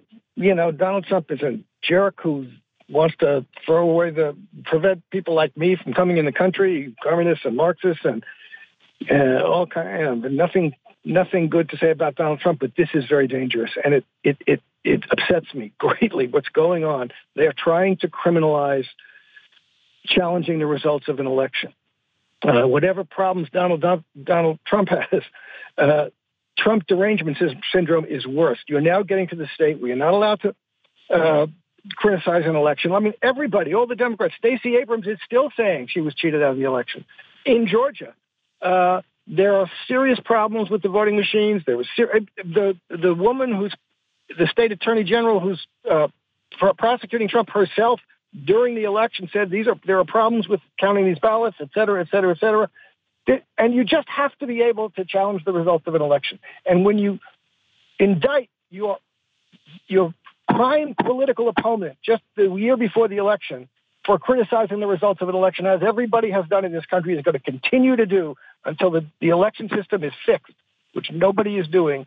It's just disgraceful. And all around the world, you know, people are getting shut down for all kinds of things. And Garland's Twitter feed, uh, C.J. Hopkins is getting arrested in, in, in Germany for a, a, an image from his cover of his book. Uh, the guy who was the, from the Proud Boys, I have nothing good to say about the Proud Boys, but this guy wasn't even in Washington, and they're going to try and put him in jail for 33 years for, for organizing a demonstration. It's really getting crazy, and uh, I don't. Nobody seems to be bothered by it, but I, I, I think it's terrible. Steve Poikonen. It's wild. It really is.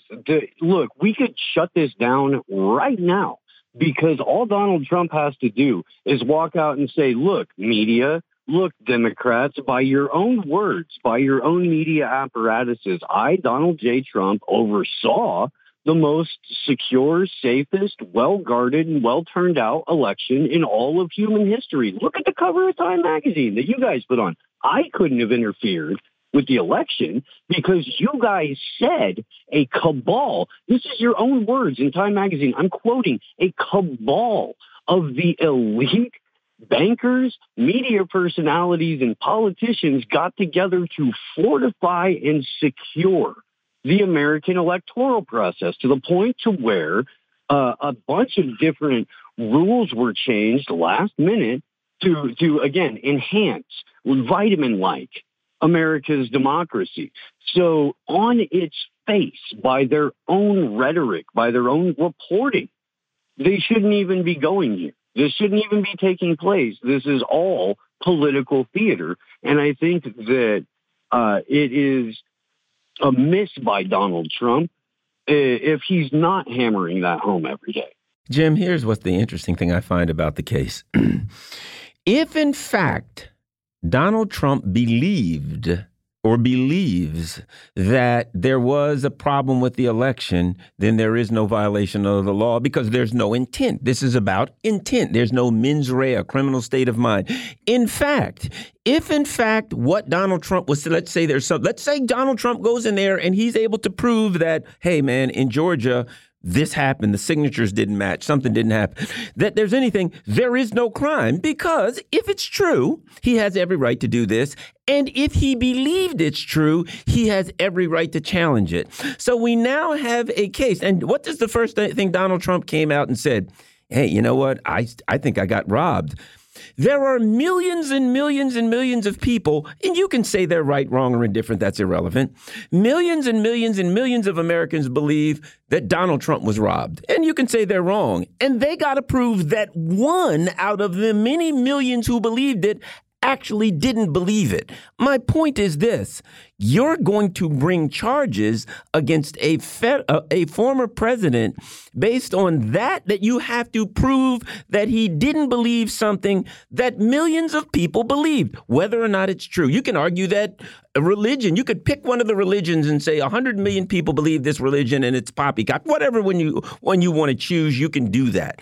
But the fact of the matter is, if I'm sitting on the jury, I look at it and I'm like, well, right, wrong, or indifferent. I kind of really think the guy believed it. Anyway, Jim, your thoughts about that particular dynamic? Yeah, not only did he believe it, but his lawyers gave him advice that what he was doing was legal, and that you know, and, and he did believe it. I don't. Why does anybody think he didn't believe it? Uh, you know, the, the quote they keep saying is, "Find me some, find me these votes," but the the end of that quote was, "Find me these votes because we won," because he believed that the votes were there. So, uh, yeah, I mean, you know, and again, as you say, he had good re- some reason to believe it. The woman who is prosecuting Fran Willie, I think her name is, is during the election was tweeting out saying, "These why do they stop counting these votes in, in Fulton County? What's going on in Fulton County? What's this water leak business? We got to take care of this." This is so. A lot of people, in a lot of ways, had problems with that election, and as we said, you know, Stacey Abrams is still saying she was cheated. Uh, uh, Hillary Clinton said she was cheated out of the election. If you think there's a problem with the election, it's kind of incumbent on you, if you believe in democracy, to protest that and to try and find out if there's a problem. So, I mean, it's just crazy that we're in this situation. And, you know, do they really think, does anybody really think they're actually going to going to criminalize anybody from the Democrats who, who, who is right now and will in the future? criticize the results of an election. And not only is he the former president, but he's the present contender and prime uh, opponent of Biden for the next election. That's why they're doing this, and everybody knows it. Steve. I mean, it's hard to argue that that this is anything more than a continuation of the Biden administration's abuse of power in office, where they're weaponizing the Department of Justice against all of their political enemies, real or perceived. We're still, this ties in a lot. And we can also point a finger at Donald Trump, too. The fact that Julian Assange is still locked up. And that not only is the Biden administration and Merrick Garland coming out and saying, we want international jurisdiction over the press. They're saying we're going to go through social media to do it. They're saying we're going to go after our political opponents to do it. They're saying we're going to protect people like a, a crack addled scion of this particular political dynasty in order to do it.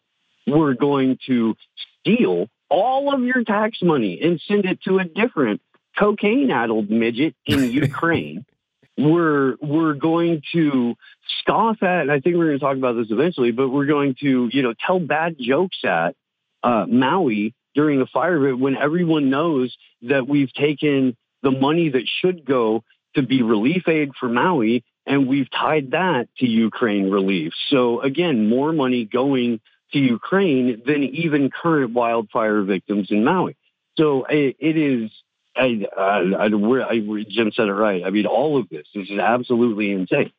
Van Jones says Democrats are really concerned about Joe Biden. Nobody wants to go on TV and say it, which is odd because he's actually going on TV and saying it. But Jim, you know, uh, Wilmer and I have been talking about this many, many months. Wilmer's been saying Ah, I think they want to make a move with Gavin Newsom. And now recently we're seeing these things. Well, you know, like maybe they could slip Gavin Newsom in here, etc. But they got Biden out there and they're in a jam because they got to figure out how to do it. There are other people running against him. They can't stick him out here and debate him. Van Jones states the obvious, Jim Kavanagh. Yeah, he says the quiet part out loud. What can I say? Everybody knows this. The Democrats know it. They don't know what the heck to do about it. They're going to want to stick Newsom in. Joe Biden, I'll say again, will not be the nominee in 2024. By November 2024, they're going to have to replace him. But doing that is going to be a mess no matter how they do it, because they're going to have to try and do it at, at the convention after there's any, there's, so there's no time for primaries and debates. And it's going to look bad no matter what they do. And uh, if they do it, if they have to do it before that, then they're going to have to have a primary, and then you're going to have to let RFK Jr. and Marianne Williamson. The whole thing's going to open up in a way they don't want. It's a mess, and it, but it really does go go go to show uh, it, the corruption in a kind of political sense. That they are just trying to manage a situation and keep it in their control in a way they don't even have the means to do it well. They don't even have the personnel to do it well and I don't know what they're going to do about it. But you know, as I said before, uh, and I said in my article in April, uh, uh, uh Joe Biden's not going to be the president nominee. They're going to try and stick Gavin Newsom in, but it's going to be a mess. Newsom Harris, all California ticket. Oh yeah, yeah. The Wilmer, Newsom and Harris. What do you think? An all California ticket? That's a total failure. uh, no, it, it, you're from California. Won't I, that make you feel good? No, uh, no, it won't. Uh, I say I've been saying Gavin Newsom and Gretchen Whitmer, and you can put them either way on the ticket you want to. That that is, and and I don't. I'm not.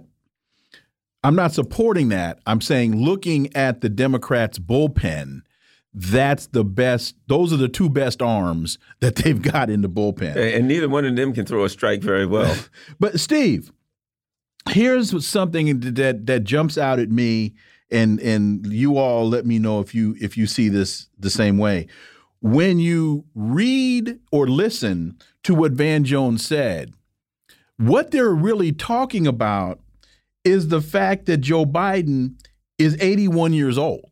They're just because the Jim uh, Sciutto, the CNN anchor, says he's talking about Biden's age, and we can't have an 81 year old president.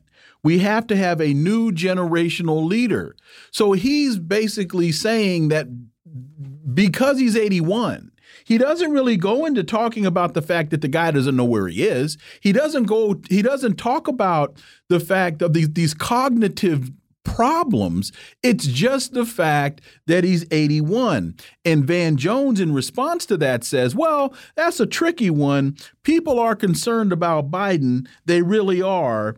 Democrats, they talk behind their hand. Nobody wants to go on TV and say it because we are all like to be we all like to be able to go to barbecues and house parties but people are concerned but again he's not speaking specifically about what the cognitive problems and concerns are because uh, Bernie Sanders He's competent. The Ralph Nader's 89 Ralph and he's just he's competent. Yeah. I mean, there are a lot of 81 year old people that are really, really sharp. Ray McGovern, he's like 83, 84. Uh, brilliant. I, brilliant guy.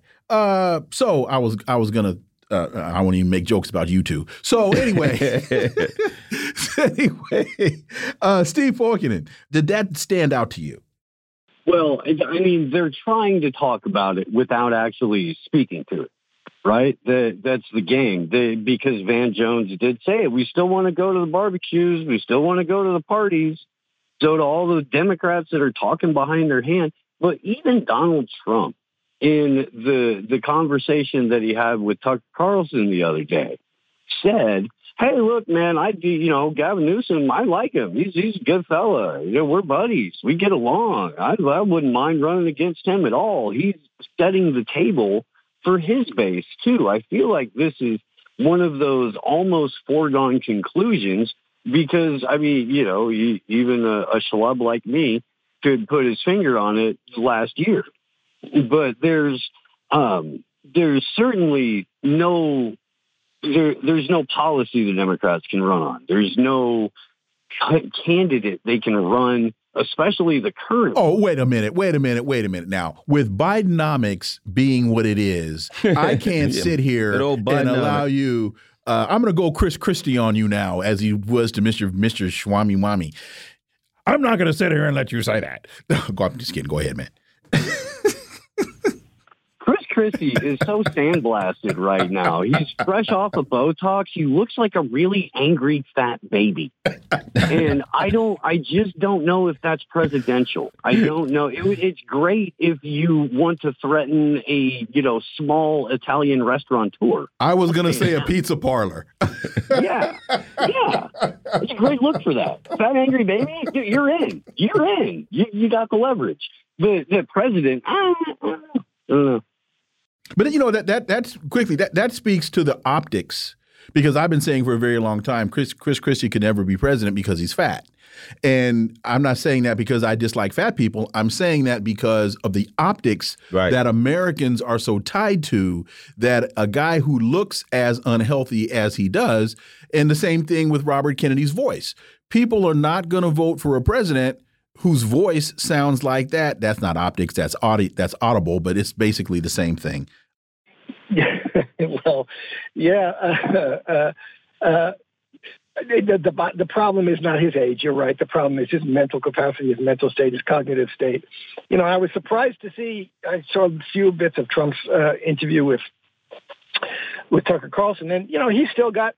He's talking energetically. He's talking on point. You know, he himself is not young by any means, and he's sometimes done things that have been kind of weird, and you think he doesn't know uh, everything that's going on. But the, the, the contrast with Biden, and you see Biden walking around mince, with minced steps and not really knowing where he's going, and saying things that are just totally tone deaf. This nonsense he said, said in Maui, you know, oh, I almost lost my Corvette and my cat. Isn't that I know exactly what you guys feel. I mean, this is this is he doesn't know where he is. He really doesn't most of the time, and it's it's becoming obvious, and I think it's going to become. They don't want to address that particularly because once that is said out loud, there's an issue of his mental competence. Then you got to address it, and they don't have a good way of doing that, and that's going to be the end of it. When they start saying that, that's when that's the day before they're going to replace him.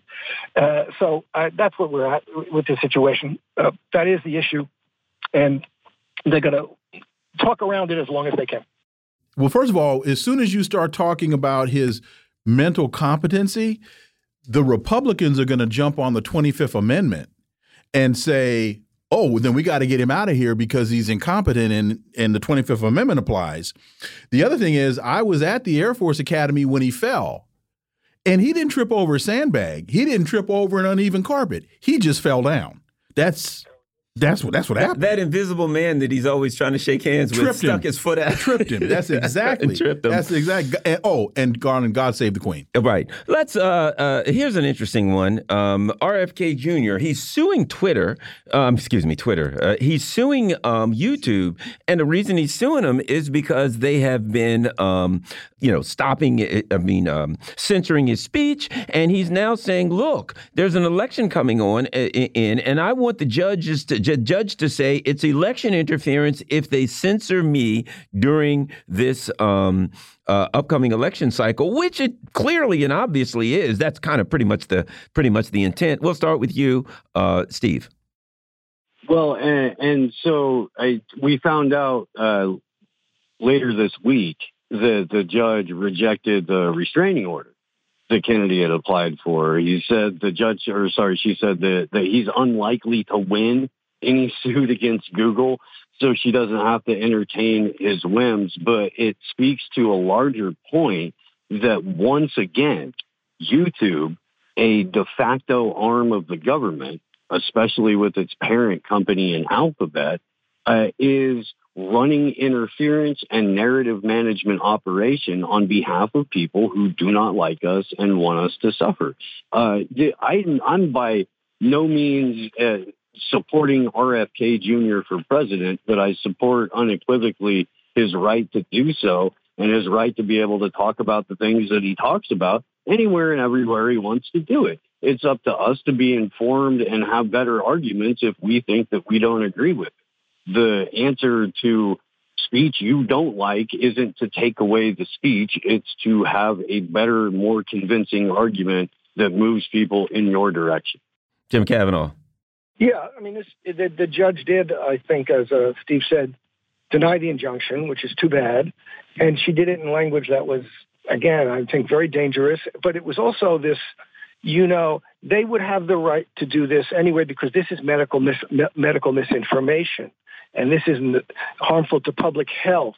So there, she's a she's ceding the right to Google in this case because this was not a case against the government, but she's ceding the right to Google to decide what medical misinformation is. And that was the whole issue. RFK Jr. and a lot of people have different ideas about the value of the vaccines, et cetera, the medical procedures, the medical protocols, and they were right. And the, the, the agents and the, the, organizations like Google and like the CDC, which were stating as fact and as incontrovertible fact, things that were wrong and turned out to be wrong posed as the arbiters and the promoters, those who declare what real and, and true information is and what misinformation is. So the judge is, is it, it was a bad decision. I think the case is still going on. That was a preliminary injunction issue. But this is very, very important. This is, again, we're going to be the, the epistemological crisis. Can we have a discussion in this country? Can we have a wide ranging discussion of medical and scientific issues that are not settled and can never be settled in a, in a, in a, in, a, in the way that they're promoting. They are, that are always questioned to debate and always must be questioned to debate. And if you set up Google or the federal government or the CDC as the, uh, the, the decider of what's true and what's not, the Ministry of Truth, you can't have that discussion anymore. It's very, very dangerous. And I hope I'm glad he's doing it. I'm glad they're bringing these cases. But I, I, I, it's bizarre to me that this that they are in, in, that Kennedy wasn't immediately granted the injunction. That, that, that courts in the United States still think, or, or now come to the point where they think, oh, it's okay to have a ministry of truth. And to your point, Steve, about well, if you have a problem with speech, the solution is not to stop the speech. The the solution is to provide a better narrative. That also, for me, is consistent with the argument that a lot of Democrats are making about Dr. West and his campaign. Oh, Cornel West shouldn't run, especially in the Green Party, because as such, he's taking away votes for Joe Biden. Well, if you are threatened by Dr. West's narrative, the solution is not to, well, first of all, they aren't Joe Biden's votes. I don't know in a, in a democracy that anybody owns votes. Uh, but but the second point is, if you're threatened by his narrative, your solution is to develop a better narrative. And unfortunately, the Democrats are running against a, uh, a Donald Trump and talking about they're not Trump instead of explaining to the American people exactly what they are. Now, with that having been said, what YouTube is doing to Robert Kennedy, Twitter or X, X yeah. is doing to you, Garland Nixon. Yeah, uh, basically, for those who don't know, I've been locked out of my account. I received an email that said they can't verify that I'm the owner of the account. Now, it's a verified account with a blue check on it.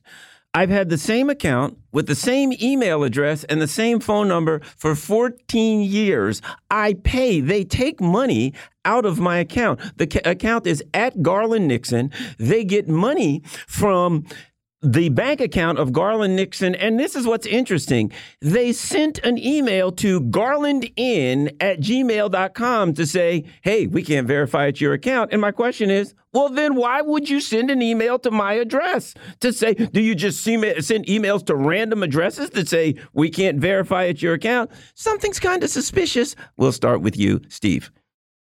Well, so here's what here's what actually happened. And this is what I, I've said from the beginning and I was uh, I was harshly criticized for it. But when you when you enter into the contract with X and Elon, Linda Yaccarino, and all of these people, what you've done is said uh, WeChat of the West now owns my identity, and I am leasing my identity back from X. I pay them $8 a month or $11 a month, and they let me know that I'm me.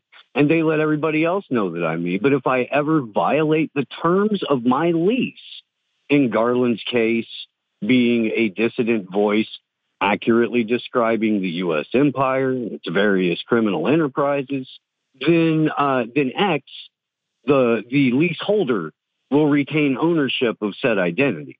Now, X knows that Garland is Garland. Unequivocally, there's no question.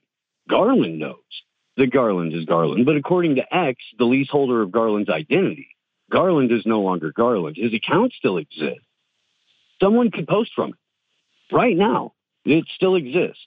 Garland Nixon with the blue check still exists. And Garland Nixon could post, hey guys, I was just kidding about Antony Blinken. He's a great guy. and uh, and I unequivocally support uh, the the U.S. Uh, upholding and securing democracy in Ukraine. And that can be the account from now on because the contract is, null and void as Garland violated the terms uh, of the lease. Jim, it's not plausible to argue that the that the uh, after 14 years with the same email address and same phone number that you are actually literally getting paid by this person month after month and you send them an email to say we don't even know if you own this account. It's a verified account. We verified the account was you but now we can't verify. Their argument is uh, absurd and implausible and it's clearly obviously we obvious what they're doing. Jim yeah, it, it, it drives you crazy trying to think about this because it, it it's a catch twenty two of the highest order. I mean, we can't verify your account. We can't verify your account, but you set up a new set up a new account if you want. We'll right. accept it then. I mean, so that, that means they can't verify. If they can't verify your account, they can't verify any account. Because tell me why you can't verify it and we'll solve the problem. But they're not doing that. It just drives you crazy about these things. They don't really tell you exactly what the problem is, and then you could fix it because there isn't any problem. And it's just so obviously, it's just obvious that Twitter is either completely incompetent and can't verify any account in, in any way that's reasonable, or they're doing something else and hiding it under this claims of verification.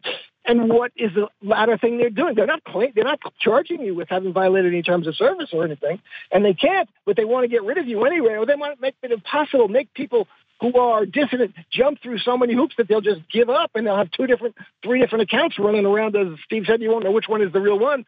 And this, uh, it's it's either that that that's what they're doing, or they're just totally incompetent and they shouldn't be running any any kind of social media company because they can't verify anything. It doesn't make any sense. I, I really somebody, and you know what, you know, we talked about this offline.